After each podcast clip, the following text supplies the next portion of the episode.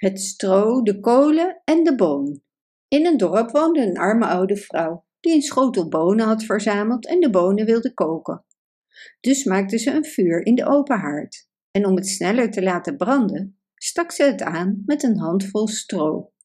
Toen ze de bonen in de pan leegde, viel er een boon zonder dat ze het zag. De boon lag op de grond, naast wat stro. En kort daarna sprong een gloeiend kooltje van het vuur op de boon en het stro. En toen zei het stro: Beste vrienden, waar komen jullie vandaan? En de kool antwoordde: Ik ben gelukkig net op tijd uit het vuur gesprongen, anders zou ik zeker dood zijn geweest. Ik zou tot as zijn verbrand. En de boon zei: Ik ben ook met schreeuw en al ontsnapt.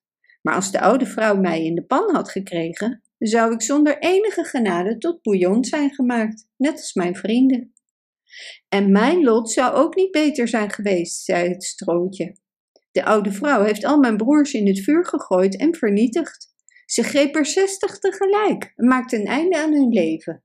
Ik glipte gelukkig door haar vingers. Maar wat moeten we nu doen? zei de kool.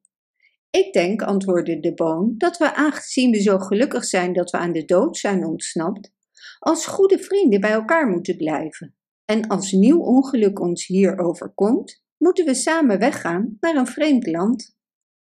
Het voorstel beviel de twee anderen en ze gingen samen op pad. Spoedig kwamen ze bij een beekje. En omdat er geen brug of plank was, wisten ze niet hoe ze er overheen moesten komen. Het strootje kwam op een goed idee en zei: Ik ga er recht overheen liggen. Dan kunnen jullie over mij heen lopen als over een brug.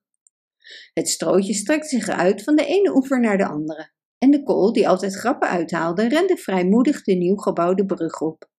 Maar toen ze in het midden was gekomen en het water onder zich hoorde ruisen, schrok ze toch, bleef staan en durfde niet verder. Het stro begon echter te branden, brak in twee stukken en viel in de stroom. De kool gleed achter haar aan, siste toen ze in het water kwam en blies haar laatste adem uit.